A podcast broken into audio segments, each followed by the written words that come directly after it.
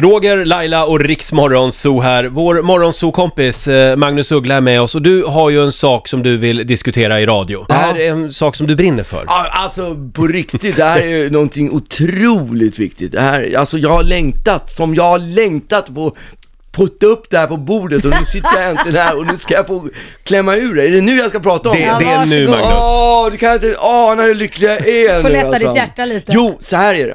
Så här, nu ska jag berätta hur det är. Ja. Vem är det som säger så alltid? Så här är det. Det låter som, eh, det låter som eh, Idol, är det inte så? eh, Så här är det. Så här, Så här är det. Alexander Bard brukar alltid säga att så här är det, eller något. Jo, vi satt i logen häromdagen och började prata om TV.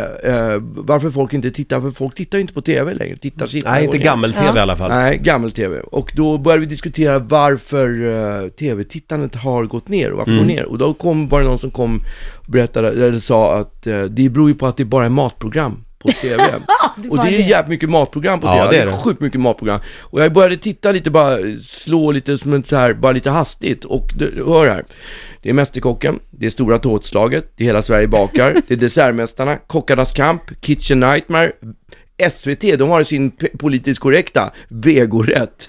Åh gud, det var dåligt det Ja, programmet. vegorätt. Halv åtta hemma hos dig, vad blir det för mat? Tina besöker, Masterchef UK, Masterchef Australia, herregud. Leila bakar, Nyhetsmorgon där de ibland till och med, fyran i Nyhetsmorgon, där de ibland till och med har, har två olika kockar. Ja. Alltså ett band. Och sen har eh, SVT ett program som heter The Island, som han, är något slags Robinson-liknande, som bara handlar om att folk jagar mat i, i sju, sju i, i varje säsong. Ja. Det är helt sjukt. Och sen finns det då, det som toppar hela det här, det är två program som jag som jag får, alltså, för att säga en gammal klyscha, jag kan ha skrivit en låt som heter Jag mår illa. Men lite åt det hållet känner jag faktiskt. Det finns en, en, en, en respekterad, från början respekterad kock som heter någonting med djureskog. Djureskog, ja. Djureskog. Han har ett program som heter världens, typ världens bästa burgare. Ja, just det. Där han i ett i program åker runt i Amerika och skriker om burgare och han är så, han är så sjukt annoying, så irriterande när han snackar om sina burgare så jag är på vippen att slänga ut tvn. Alltså jag, jag, jag gillade ju, kände att det här är en bra kock för Mm. ett tag sedan. Nu, nu känner jag att jag vill skjuta honom helt enkelt.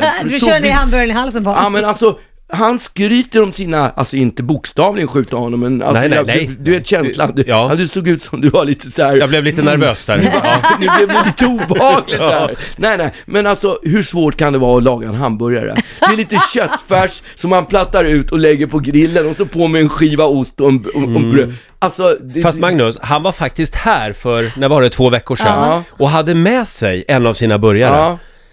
Den, den var riktigt god ja men alltså. vad var det som var så gott med den? Jag minns inte, Nej. men den var, Alltså, den var god. Det är väl alltså- dressingen och, och eh, kryddningen tror Ja, jag Ja men alltså, hur god kan en hamburgare vara? Har du sett programmet när han skriker om burgare? Nej, det har jag inte. Alltså det är ju fruktansvärt.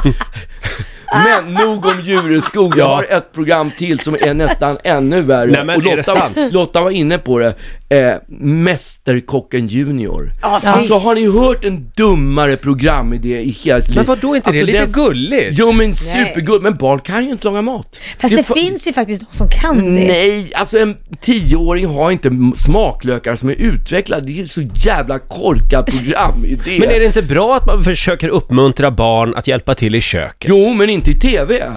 Alltså gärna. Men det är väl hon- gärna är det vara med och hålla på? Mm. och, och liksom blanda ihop och fixa. Men när det, de kan, en tioåring kan inte vispa ihop en sabayon. Det, alltså det funkar inte så.